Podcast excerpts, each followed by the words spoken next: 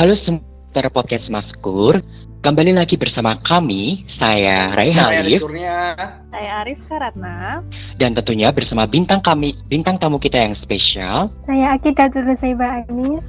Nah, ngomong-ngomong nih tentang kesehatan seseorang manusia itu tidak hanya meliputi kesehatan fisik.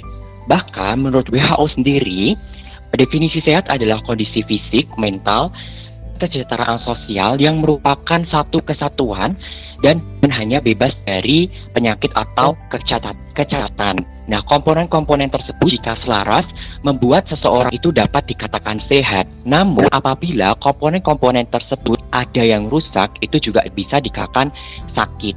Nah, sakit itu bukan hanya sakit fisik, tapi juga sakit mental, mental yang terganggu dan tidak nyaman. Nah, kesehatan mental atau kesehatan jiwa adalah kondisi di mana saat seseorang itu memiliki perasaan senang, semangat dalam melakukan hal-hal yang positif baik bagi diri dia sendiri maupun bagi orang lain.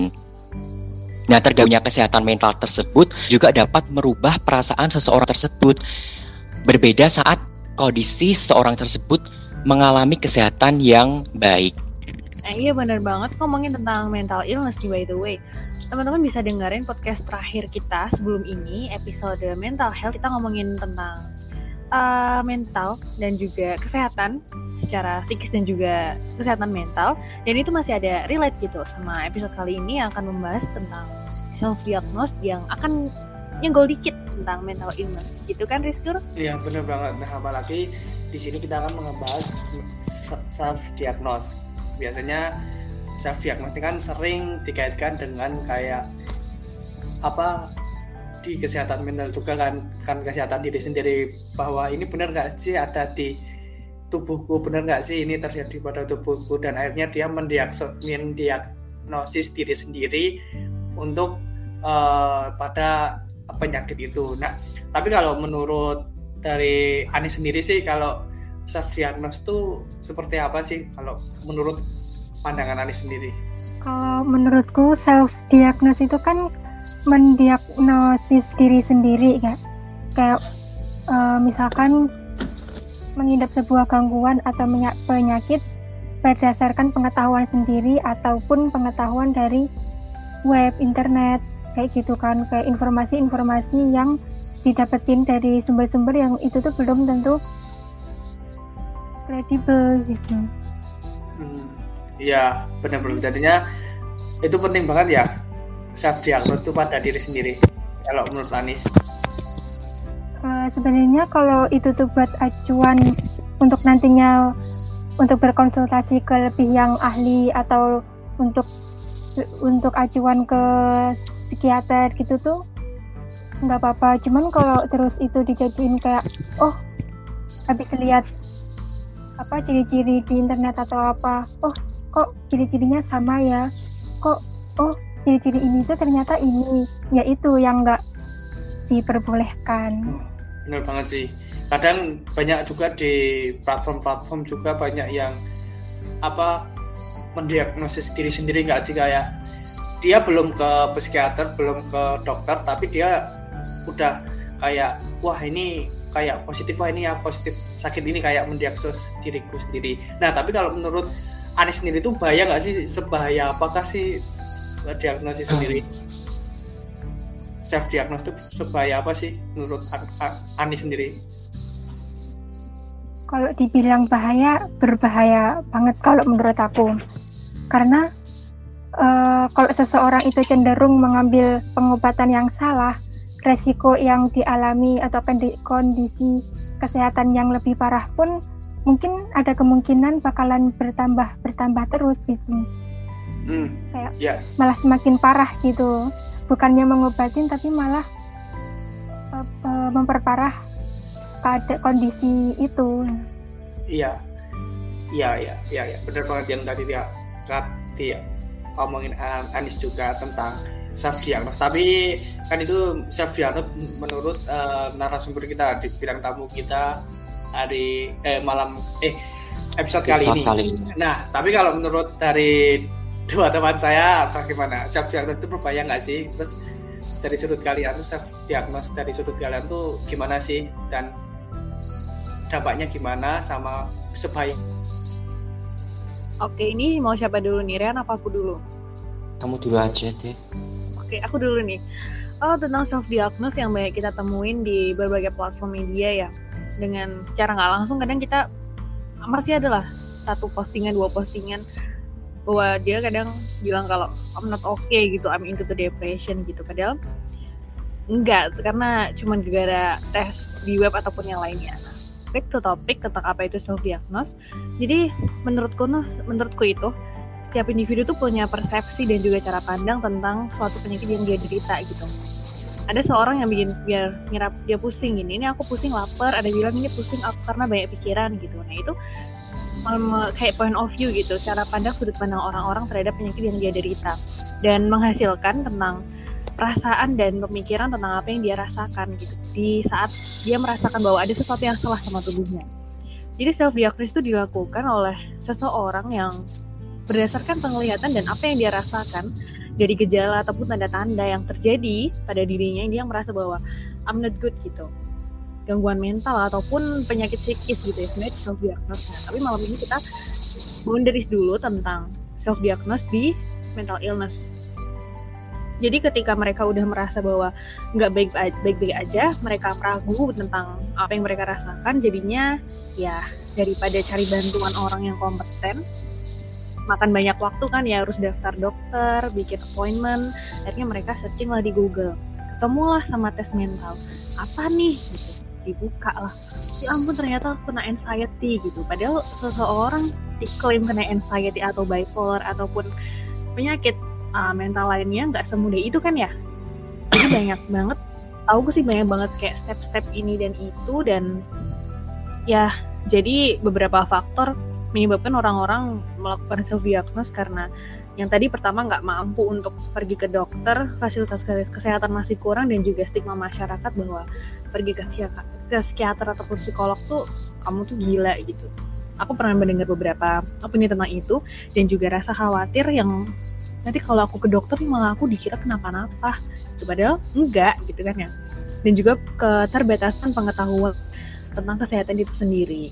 Menurutku gitu sih dari Rehan nih gimana menurutnya? Menurut Rehan self diagnose oh ya kalau dari menurut aku sendiri ya mengenai self diagnose itu uh, jadi kondisi di mana seseorang itu dia mendiagnosis uh, diri dia sendiri jadi secara mentah atau secara mandiri ya. Entah itu biasanya kan biasanya bisa dari masyarakat, eh maaf dari keluarga, teman ataupun dari informasi-informasi yang di media sosial. Nah, jadi biasanya kalau seseorang dia itu self diagnos itu benar apa yang dikatakan Arifka dengan uh, Anis. Jadi bisa jadi karena dia sebagai acuan atau memang dia karena pengen lebih cari simpelnya. Jadi dia kayak lebih uh, mencari jalan pintas. Tapi jalan pintas di sini tuh sebenarnya bisa dikatakan benar, benar kalau hanya untuk sebagai acuan. Maksudnya seperti yang dijelaskan kalau untuk gambaran saja. Nanti selebihnya dia tetap harus datang ke yang lebih ahli di bidang tersebut. Tapi tapi juga bisa menjadi jalan pintas yang salah apabila seperti yang dijelaskan Arif tadi dia kayak males yang namanya kayak ah nanti malas antri biaya dan sebagainya. Akhirnya dia lebih memilih untuk mencari sumber yang di mana dia tidak tahu apakah itu sumber valid atau bukan. Jadi dia hanya mengacu sesuai dengan sugesti dan perasaan yang dia rasakan pada saat ini dengan gejala-gejala yang sedang dia alami. Nah dari dari uh, penjelasan yang saya jelaskan ini itu juga akan berakibat ke hal uh, bisa berbahaya juga untuk diri kita sendiri. Salah satunya kenapa kok bisa berbahaya juga karena kalau kita mendiagnosis diri kita tanpa mengetahui apakah itu sumber yang valid, apakah kita memiliki ilmu dan edukasi yang sesuai dengan uh, maksudnya bidang yang kita miliki tersebut, itu juga akan menjadikan salah diagnosis yang seharusnya kita itu tidak sakit parah, ibarat uh, maksudnya kita kayak yang tadi Arika bilang, kita nggak kena anxiety atau yang kecemasan berlebihan tapi karena kita salah diagnosis akhirnya kita merasa seperti orang yang sedang terkena anxiety itu jadi mendiagnosis diri kita jadi seolah-olah kita sedang mengalami gangguan tersebut entah itu anxiety, bipolar atau lain-lainnya. Kemudian dari salah diagnosis tersebut akan menjadikan salah penanganan. Aku pernah baca uh, salah satu artikel jadi ada seseorang di mana dia ya ini self diagnos dia mendiagnosis diri dia akhirnya dia salah dia uh, mendiagnosis sesuai dengan ya ibarat kata bisa dibilang kayak sesuai dengan ke, sepengetahuanku tanpa sepengetahuan seorang yang memiliki bidang ahli tersebut entah itu psikolog, psikiater maupun dokter. Nah akhirnya dia jadi mengkonsumsi narkoba padahal dia kalau segera mungkin langsung dibawa ke pihak yang lebih mem, lebih bisa di, di bidang tersebut itu nggak akan sampai uh, salah penanganan mungkin dia hanya membutuhkan terapi satu atau dua bulan. Nah dari salah penanganan tersebut akan memperparah keadaan.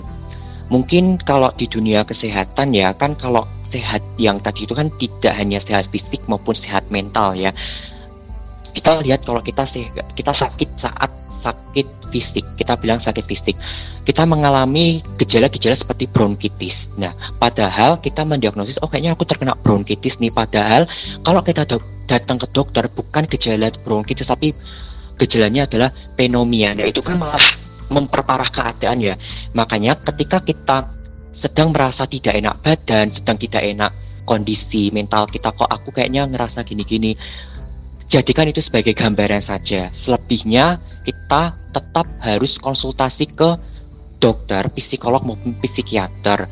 Jadi agar men, agar meminimalis, meminimalisasikan kejadian-kejadian yang tidak kita inginkan. Seperti itu kalau pendapat dari aku mengenai bahaya dan apa itu self diagnose. Nah, oke. Okay. Mungkin nanggepnya sedikit dari Rehan ya Anissa sendiri mungkin ada tanggapan kayak Anissa kan jadi salah nama. Anis. Atau Rizkur Rizkur belum ya? Uh, apa ya? Self diagnos self sendiri kan artinya kayak diri sendiri. Dan diagnos diagnos kan kayak mendiag di, mendiagnoskan diri sendiri ya kan? Mendiagnos itu apa sih artinya? Aku aja masih bingung. Diagnosa. Diagnosa diagnosa diagnosa itu loh. Kayak yang kayak aduh gimana ya? Anis Anis jelasin nih. Uh, Anis anak-anak psikologi nih. Jelasin pakai baby language nih kayak jadi kalau datang ke dokter kan didiagnosis sakit ini sakit ini. Nah itu tuh kita tuh mendiagnosis kita sendiri. Kayak misalkan kok aku merasa gini-gini ya? Akhirnya karena takut di dokter biayanya mahal atau apa ini kan searching tuh yang oh. kira-kira hmm, periksanya lewat Google gitu loh Pak. Apa, oh. Gitu.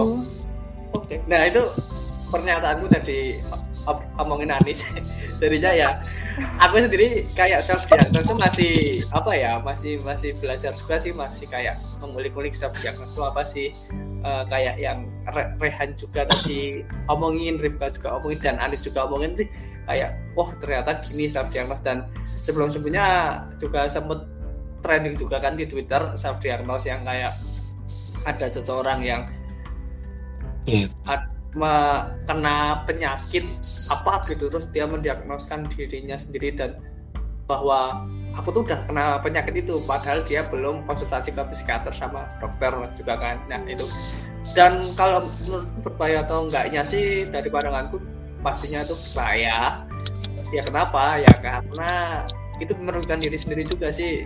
Uh, harusnya kamu sehat tapi menurut diri kamu sendiri kamu sakit. Ya kan nggak lucu.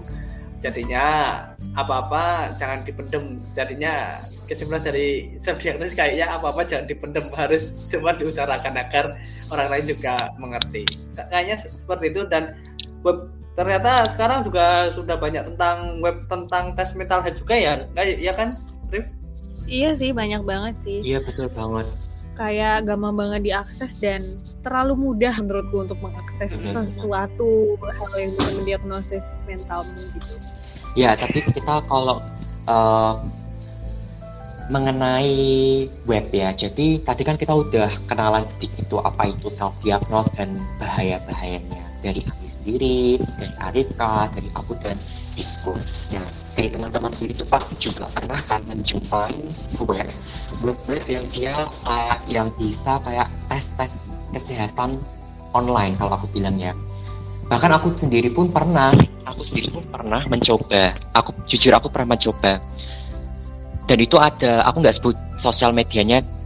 Jadi aku ya di sosial media mungkin aku lihat di kolom komentar ada linknya aku coba. Ternyata share jangan apa ya kayak hajangan eh ya nanti dibari ya pokoknya itu kayak benar-benar bisa kok sesuai ya gitu kan. Bahkan yang Chris Kur tadi bilang Twitter eh Twitter maaf. Uh, nanti dikat ya. Ya Twitter. Apa? Twitter Twitter di Twitter. Emang Twitter video viral di Twitter. Video, Wah, video. viral di Twitter. Eh Emang iya video? video. Bukan video maksudnya Bukannya di TikTok di TikTok. Di Twitter juga ada di Twitter iya dari Pokoknya, TikTok Mas. Twitter. Iya kan? Bukan kalau ini beda lagi ma- mahasiswa eh mahasiswa.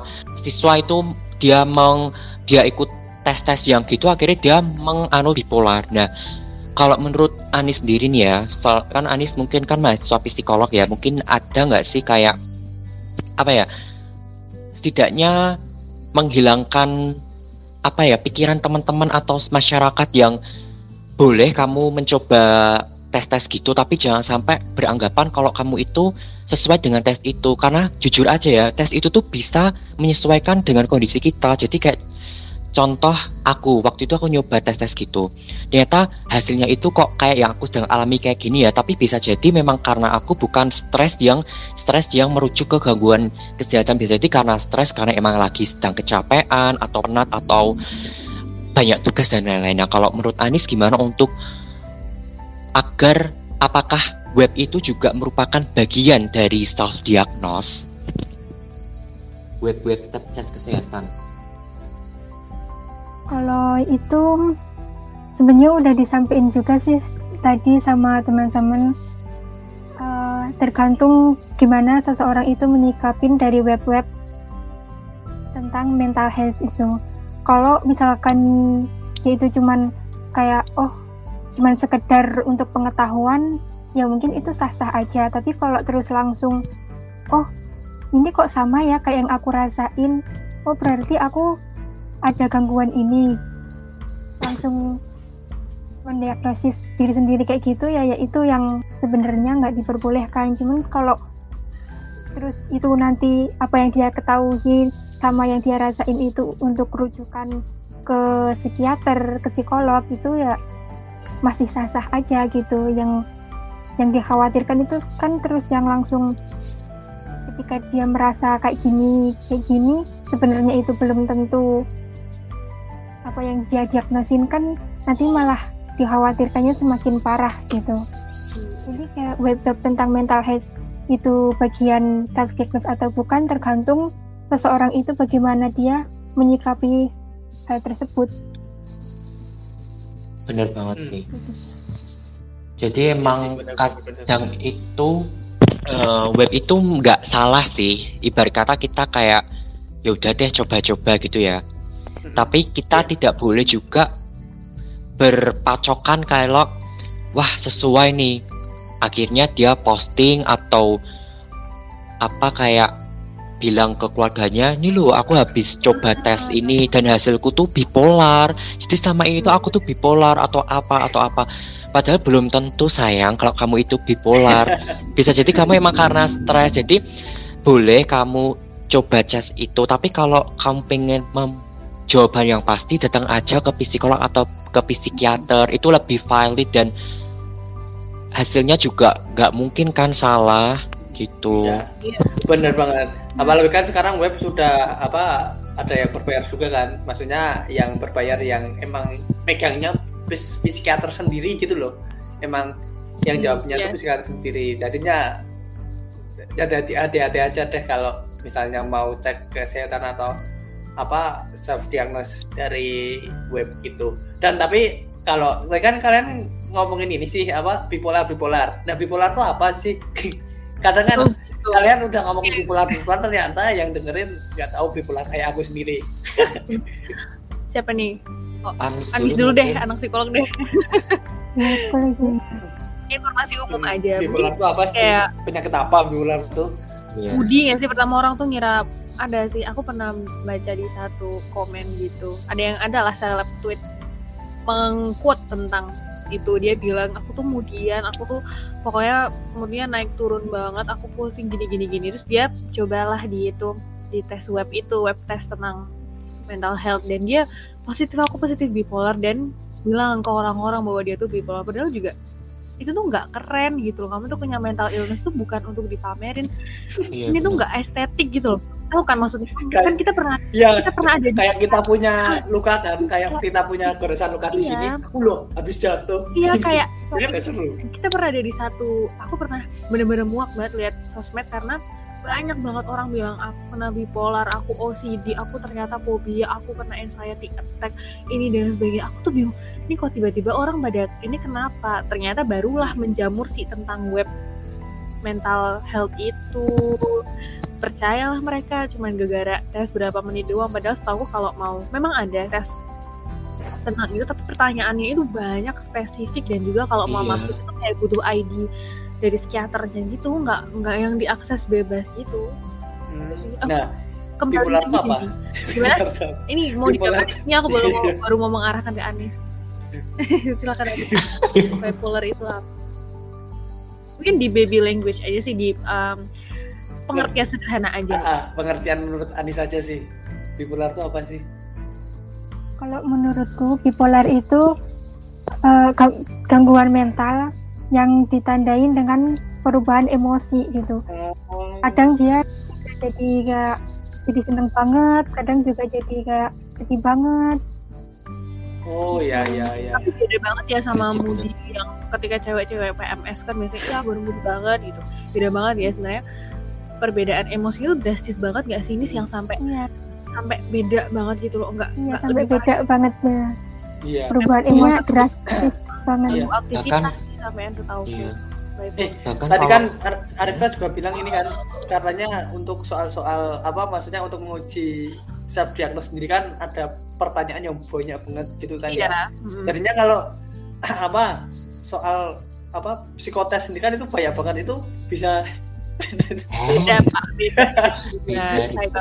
itu puisi gitu tiga jam Sebenarnya- sebenarnya web itu kan em, bikin jadi salah salah ini ya salah diagnos. Jadi nanti ke belakangnya itu Pak, eh, banyak menyebabkan hal yang tidak diinginkan gitu loh. jadi kalau Hmm. udah informasinya nggak spesifik dia akhirnya dia dia diklaim nih di itu kamu kena Iya. anxiety gitu. Dia akhirnya pergilah Iya. ke dokter. Dokter aku kena anxiety. Dokternya oh iya. gimana? Gitu. Nih dari si web web ABC nih kena anxiety lah terus Mhm. dokternya ngetes beneran. Terus dia bilang sama pasiennya kamu ini nggak kena cuman stres aja gitu. Iya Iya. dia nggak percaya. Loh nggak mungkin orang kayak ciri-ciri anxiety aja sama kok kayak di web ini. Nah Mhm. jadi ada rasa nggak percayaan gitu loh sama hasil dari orang yang lebih kompeten di bidangnya. Hmm, iya Terus kalau- oh, yang yang aku bingung ini dari ciri-ciri si web web itulah web web mental itu tuh semua orang yang bahkan sehat pun akan dapat hasil diagnosis gitu loh. Mm-mm, Aku iya Iya, tuh orang bener aku sih. hari ini ngisi, aku kena anxiety. Hari berikutnya aku ngisi ternyata aku kena beda gila gitu. Iya, iya dan tesnya itu nggak ada transparansi hasil diagnosis gitu loh. Kamu, pokoknya kalau aku kalau milih nomor satu nanti, aku nggak tahu juga ya tes tes sebenarnya gimana. Jadi itu nggak ada nggak ada apa ya hasil yang apa ya kayak faktor-faktor yang kamu yang worth it gitu kan ya kan memilih kalau ini misalnya karena lebih jelas ada- sih yang make harus sense uh, yang lebih make sense yang masuk akal kok bisa kamu mendiagnosis aku ini tuh alasannya apa itu grupnya tuh nggak jelasin dan juga tesnya tuh terlalu singkat menurutku ya sih ngisi psikotes Iya. aja sampai mudeng sampai Mm-mm. Iya. pusing begitu terus kalau psikotes. eh, keterangan kesehatan mental cuma web gitu terus harus ini wah kamu diagnosis ini kan ya nggak nggak apa ya nggak worried banget kan ya. Setidaknya kan ada itu yang bikin- dikirim ke melalui email atau misalnya terus Hmm, soal-soalnya ya sama aja mungkin sih. eh, eh, harus ada nggak terlalu bagus untuk dicoba. Kalau bukan orang yang apa ya kan kadang lihat temen itu kamu tes di mana? Bagi Hmm. link dong. Nah jadilah tuh. Eh biar ber tapi ini konsen. apa tapi kalau kayak kan sekarang lagi juga apa mungkin di usia-usia muda kayak kita gini kan masih suka kayak tentang uh, zodiak nah zodiak biasanya Ah. kalian pernah ngalamin nggak sih kayak gini terus misalnya kalian ih kamu Iya. kamu tuh gini gara-gara Virgo gitu nah kamu ya oh kamu sih. ternyata bener kamu bilangnya oh Virgo Virgo ternyata ini pelit oh ternyata kamu bener pelit nah itu termasuk soft diagnosis nggak sih Coba deh, nanya Anis deh. Nah, coba Anis, gimana? gimana ya? Anis dulu. Ah ini tanggapan aja sih. Kayak gimana? ah, apa hubungannya zodiak sama kepribadian seseorang deh? Ah. Ya self diagnosis dulu deh. Kepribadian seseorang sama di sama zodiak tuh gimana? Karena banyak banget yang yang percaya ya di TikTok di. Twitter. Gimana itu? Sampai tanya bareng lagi. itu kalau menurutku kalau kayak gitu bukan self diagnose ya kayak eh, menurut zodiak ini kamu tuh kayak gini kayak gini dan itu pun sebenarnya apa ya kayak cuman feeling feeling doang gitu kan Sugesti gitu ya? Cuma sugesti ya. ah sugesti gitu Jadi kayak lebih kayak kita baca nih Virgo nih orangnya penyabar gitu. Terus aku, ah aku penyabar, tiba-tiba aku seharian jadi orang yang sabar gitu.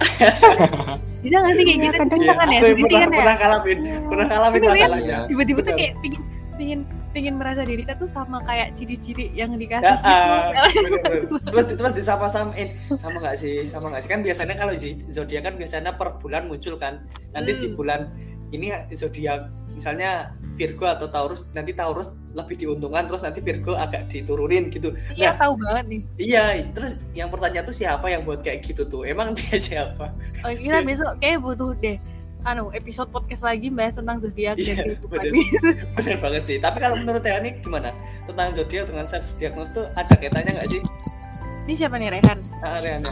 Oh iya. Kalau menurut aku nggak ada sih. Malah menurut aku itu ini aku nggak menyinggung orang lain ya. Ini kan just apa hanya Disclaimer disclaimer dulu. Ya, ah. opini aku ya teman-teman untuk pendengar listener. Jadi aku tidak aku menjelaskan jadi tidak sesuai harus patokan dengan omonganku. Karena ini pendapat aku kalau menurut aku zodiak itu malah ke ramalan sih. Jadi kayak eh, suatu ramalan kalau menurut aku. Jadi itu malah kalau aku malah nggak lebih nggak mempercayai sih. Jadi kayak ngerasa alah apa sih? gitu loh. Jadi aku kalau ada zodiak zodiak itu malah aku skip skip malah ngerasa kalau nggak boleh bukan kalau dari ini aku sendiri malah kita tuh nggak boleh untuk mempercayai bahkan sampai kita ngerasa kayak yang tadi bilang waduh kayak aku kan ini kayak tadi bilang itu zodiak yang Virgo, Sagittarius dan sebagainya. Kalau nggak salah zodiak itu kan dari zaman zamannya orang Romawi kan, orang-orang sana gitu loh. Kalau pengetahuan aku ya, iya bintang-bintang. Padahal kalau kalau kita bahas kalau kita bahas merujuk ke agama ya sesuai dengan agama masing-masing. Kan kalau di Islam itu kan kita nggak boleh mempercayai seperti itu. Sama aja kalau kita tuh eh, datang ke kita sama aja datang ke peramal-peramal. Padahal kita nggak boleh kayak gitu. Kadang tuh ada yang juga orang lihat kayak tadi kepribadian kepribadian dilihat dari zodiak kamu apa terus kayak tanggal lahir terus milih kartu dan itu kan sama aja mengaruh ya jadi menurut aku itu bukan suatu self diagnosis jadi self diagnosis itu lebih ke kesehatan kesehatan fisik maupun mental gitu seperti itu Oh ya, benar banget. Tapi bukan hanya zodiak, kadang kalau orang Jawa buat weton itu ada Iya. tanggalan Jawa. Aduh, banyak. Kalau mau dibahas satu-satu pasti banyak ah, tentang itu. Tapi kalau Rifah ini gimana sih, Rif? Tentang ini? Yang mana nih? Zodiak dan self diagnosis ada nggak sih hubungan-hubungannya atau Oh, mungkin termasuk said- atau gimana? I said before bahwa itu sugesti lebih ke apa yang kita alami tuh kayak nyocok-nyocokin tuh loh. Oh iya ya kemarin begini ya, bener banget nih dikaitain sama ramalan zodiak nih kayak gitu sih. Lebih ke aku selalu menggunakannya sebagai seru-seruan gitu. Memang masalah cinta gitu. Sedih Iya. tak ujung gitu. Wih ilah bener banget. Nah, jadi lebih keliat seru-serunya aja sih, nggak nggak menggunakannya sebagai patokan kepribadian iya. kalau Virgo Iya, bener banget sih. Apalagi zodiaknya kayak gitu. Yang ya yang dipertanyakan tadi siapa yang buat itu dan yang buat itu tahunya dari mana? Iya bener, kadang juga mikirnya di situ kan, kok bisa sampai secocok, mungkin kok bisa kadang kayak pas gitu loh, asal kita nggak, kalau aku sih mungkin bisa kayak dikatakan Atika tadi ya, dia buat main-main aja kayak, oh baca-baca aja, tapi jangan sampai kita sampai meyakini, sampai terpaku dengan zodiak-zodiak itu, kalau itu aku sih gitu, mungkin pendapat Nah, teman-teman iya. kan Bener berbeda-beda. banget ya, bener bener. bener. Oke, ini next tentang pembahasan kita ya masih lanjut back to the topic about self diagnose. Jadi kita udah nih udah udah dapet case tentang orang-orang yang mengklaim dan speak up bahwa kena se- sebuah mental illness dan dibagikan ke sosial media ke semua orang harus tahu bahwa aku tuh kena mental illness gitu. Padahal mental illness nggak sesederhana itu dan orang yang sebenarnya kena mental illness pun nggak mau sebenarnya untuk orang-orang tahu tentang dia terkena eh, suatu penyakit mental. Nah Eh. kalau dari Anis nih kan banyak nih rata-rata sebenarnya kan penyakit mental banyak banget ya Anis ya? Ada berapa sih kira-kira? Banyak ya? Banyak lah. Banyak banget ya. Biasanya yang paling terkenal paling terkenal yang paling sering disebutkan oleh orang-orang itu adalah bipolar anxiety attack. Fobia fobia itu sering banget loh padahal nggak nggak se nggak cuman kayak yang takut doang gitu nggak ya Nis ya?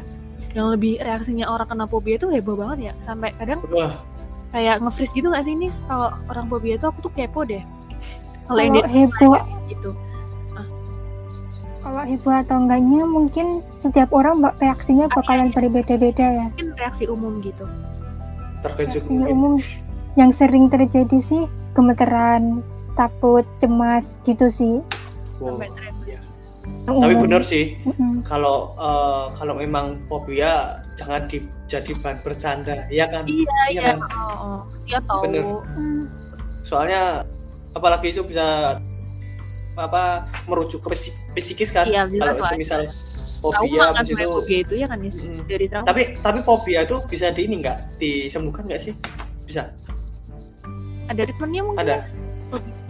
Tergantung orangnya Ada. tergantung orangnya ada treatmentnya ya Ada treatment, ada treatmentnya dan terkadang itu bisa sembuh. Ada juga yang hanya Oh, tapi- mengurangi tapi nggak tapi- sembuh apa namanya kambuh lagi gitu. oh iya iya tadinya cuma mengurangi efeknya aja ya berarti ya. Heeh.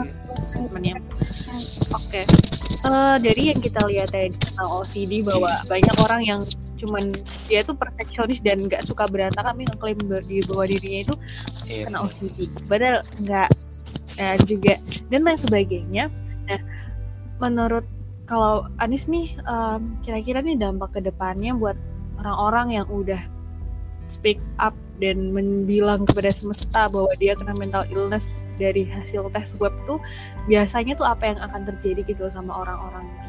Penggunaan obat yang beberapa dampaknya itu penggunaan obat yang nggak tepat itu udah pasti ya. Terus eh, penyakit serius jadi nggak ter- terdeteksi memicu stres bisa juga terus memicu penyakit nah kalau salah diagnos itu ya menurut aku itu udah pasti sih karena ya kita kan bukan ahlinya gitu. Terus kita cuma berdasarkan dari informasi-informasi aja dan itu belum informasi itu pun belum tentu valid. Kita cuma berasumsi berdasarkan ciri-cirinya itu.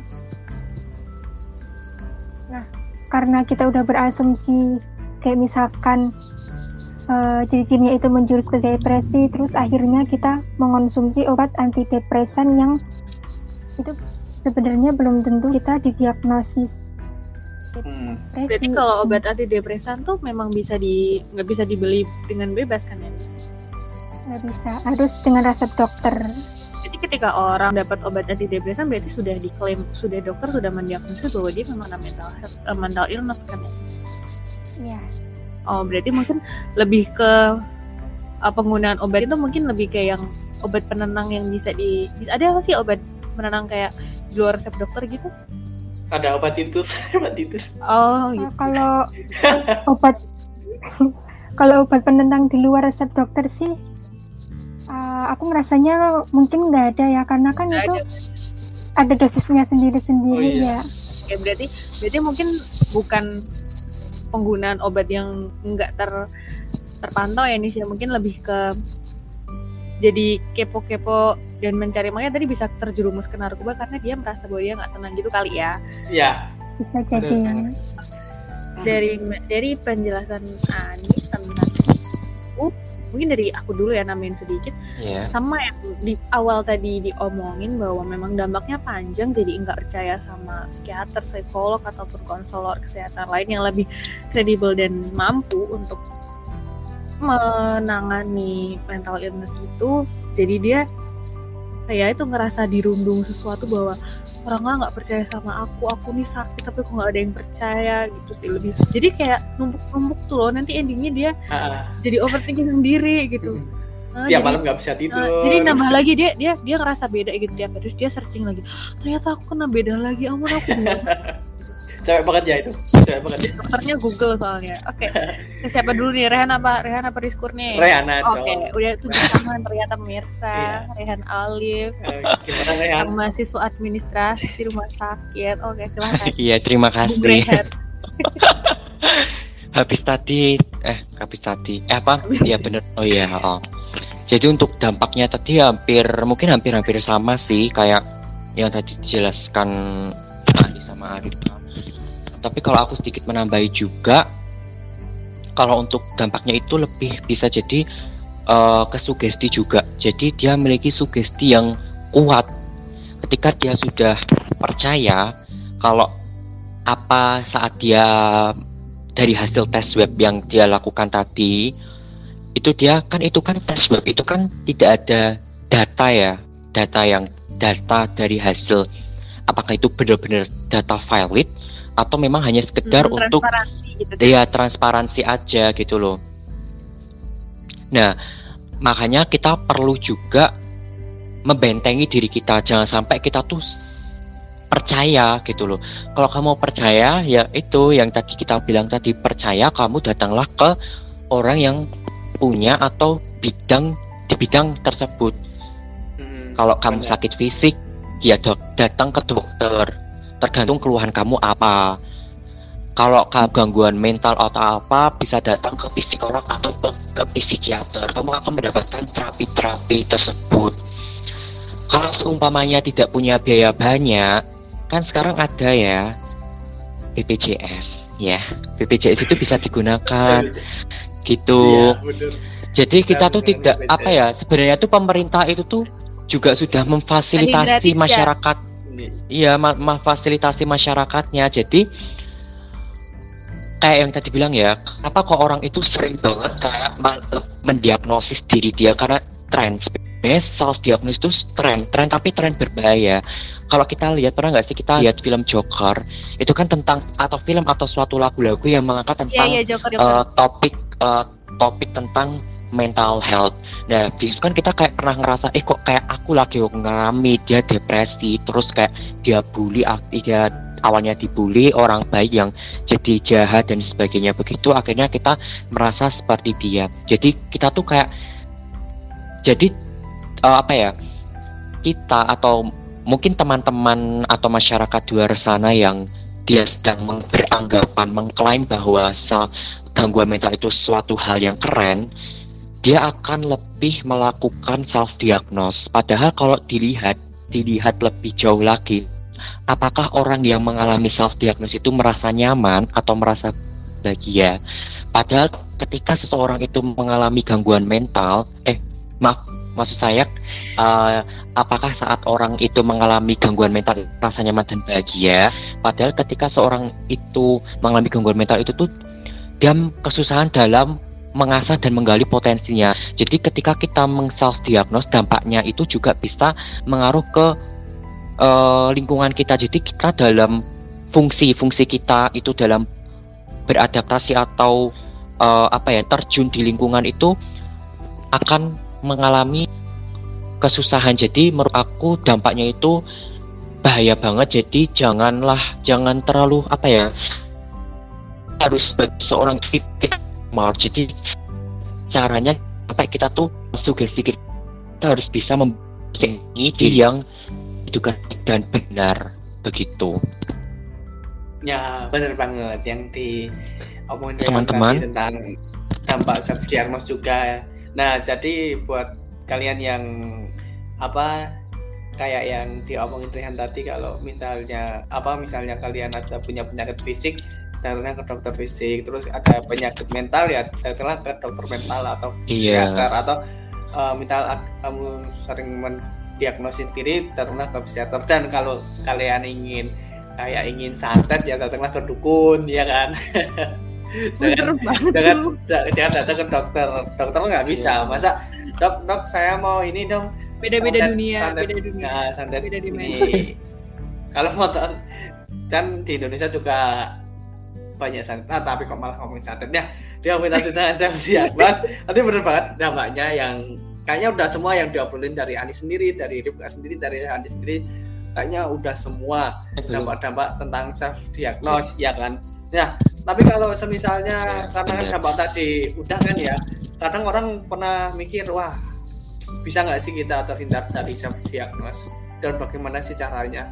Dan eh, emang emang beneran bisa dan ben- beneran secepat itu kah kan kadang orang juga ngom- apa ngomong seperti itu pada diri sendiri nah tapi menurut ini menurut kalian sih atau menurut- mungkin menurut Anis Anis, Anis dulu aja ya dulu. eh, tentang bagaimana seseorang terhindar dari self diagnosis itu gimana sih menurut An- Anis?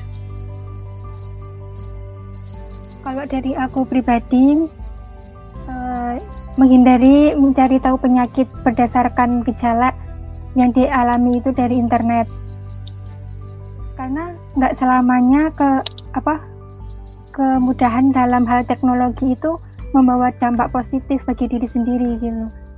Salah satu hal yang kurang baik yang kurang kerap terjadi itu kan karena mudahnya akses akses internet terus kemudian dia mencari ciri-cirinya seperti ini seperti ini yang kemudian muncul self diagnose bukan berarti dilarang tapi kayak mencari su- suatu penyakit berdasarkan gejala gejala-gejala yang dirasain itu tuh bukan cara penanganan yang tepat loh.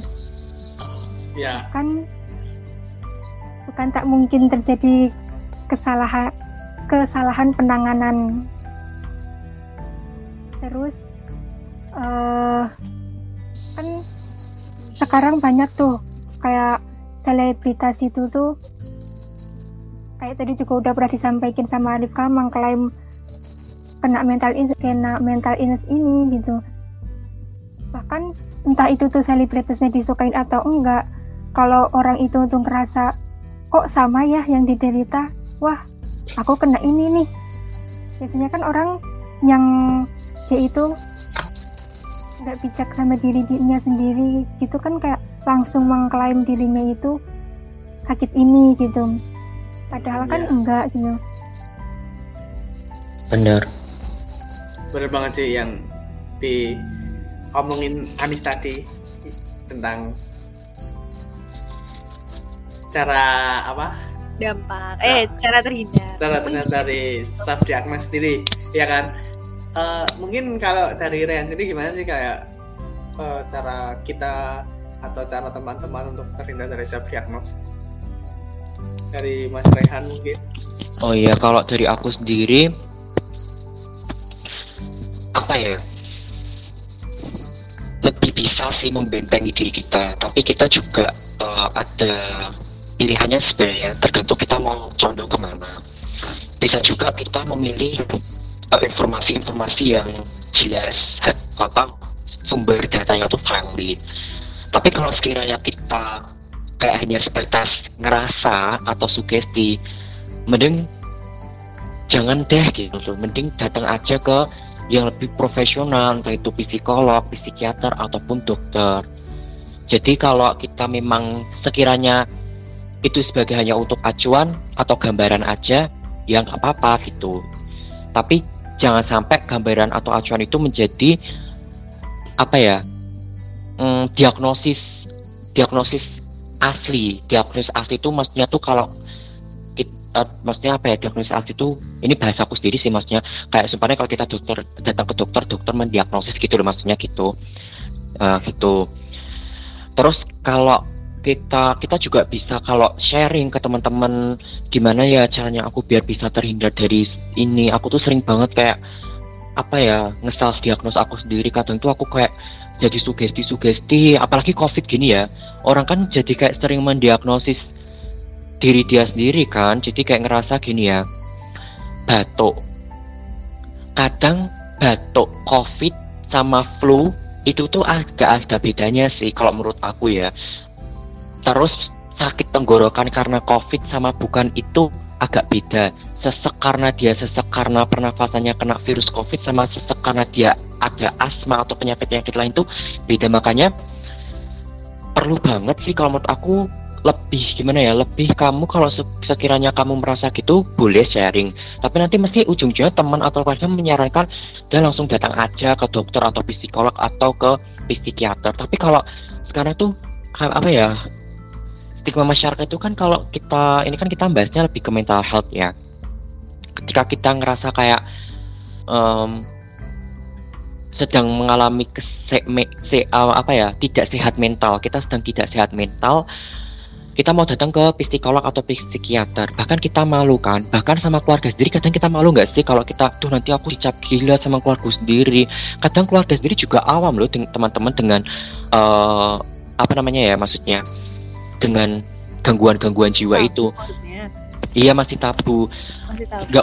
Iya oh iya masih tabu. Jadi hilangkanlah persepsi kita untuk malu. Kalau kamu malu kamu nanti nggak sehat gitu loh. Sehat itu mahal ya. Jadi kamu punya harta, punya uang, tapi kalau kesehatan kamu nggak dijaga juga sama aja. Kamu nggak bisa menikmati kan.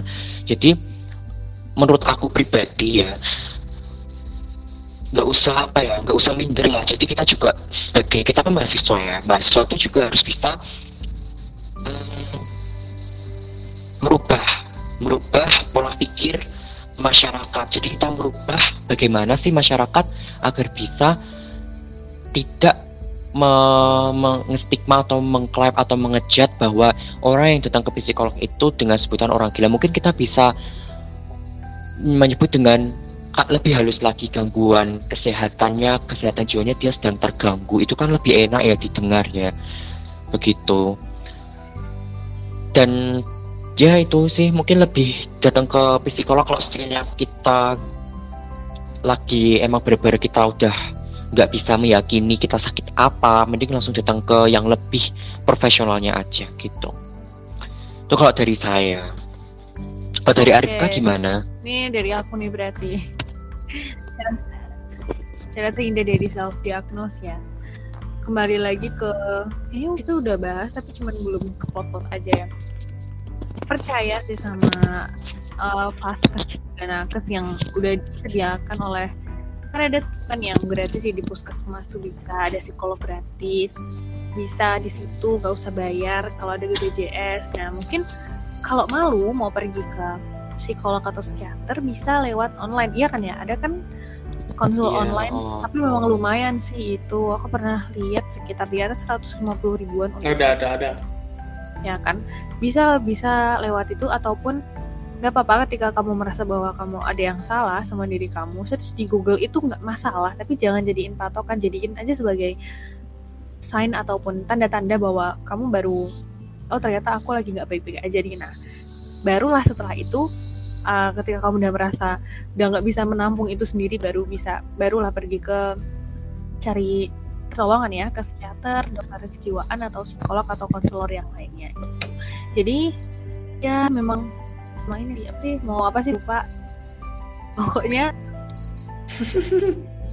uh, boleh boleh boleh setting di itu tapi jangan dipatokan lupa tiba-tiba mau apa ini siapa nih skor belum ya? Udah ya? Bener banget. Udah belum sih? Ya uh, kalau bagaimana terhindar self diri yang ini sih kayak mencintai diri sih.